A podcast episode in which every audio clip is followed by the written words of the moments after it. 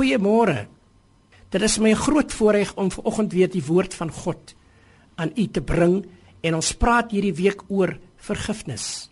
Moenie oordeel nie. Moenie jou naaste fout vind nie. Matteus 7 vers 1. Ons is geneig om foute vind met mekaar.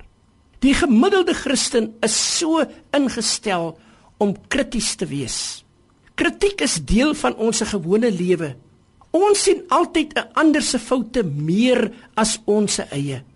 Matteus 7:1 tot 5 spel baie duidelik ons gewone lewe uit. As ons na onsself kyk en ons eie foute wil erken en raak sien, dan besef ons ons is net so skuldig.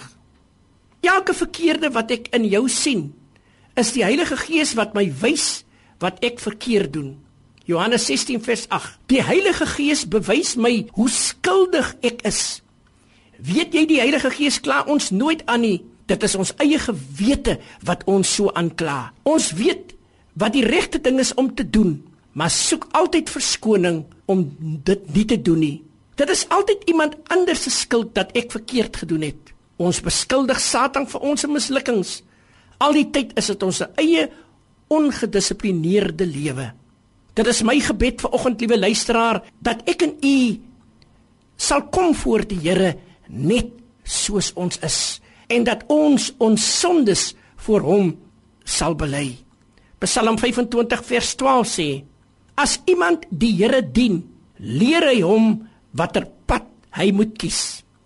As daar een Bybelvers is wat verkeerd vertolk word, is dit in 1 Korintiërs 12 vers 10. Die gawe van die onderskeiding van geeste.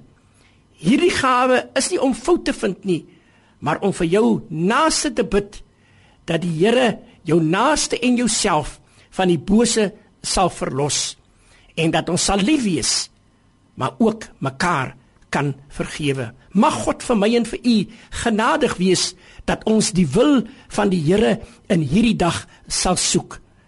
Kom ons bid saam. Dankie Vader vir nog 'n dag. Gee my genade dat ek in hierdie dag net vir iemand 'n glimlag sal gee en dat ek sal uitreik na die wat in nood is. En vergewe ons asseblief in Jesus se naam. Amen.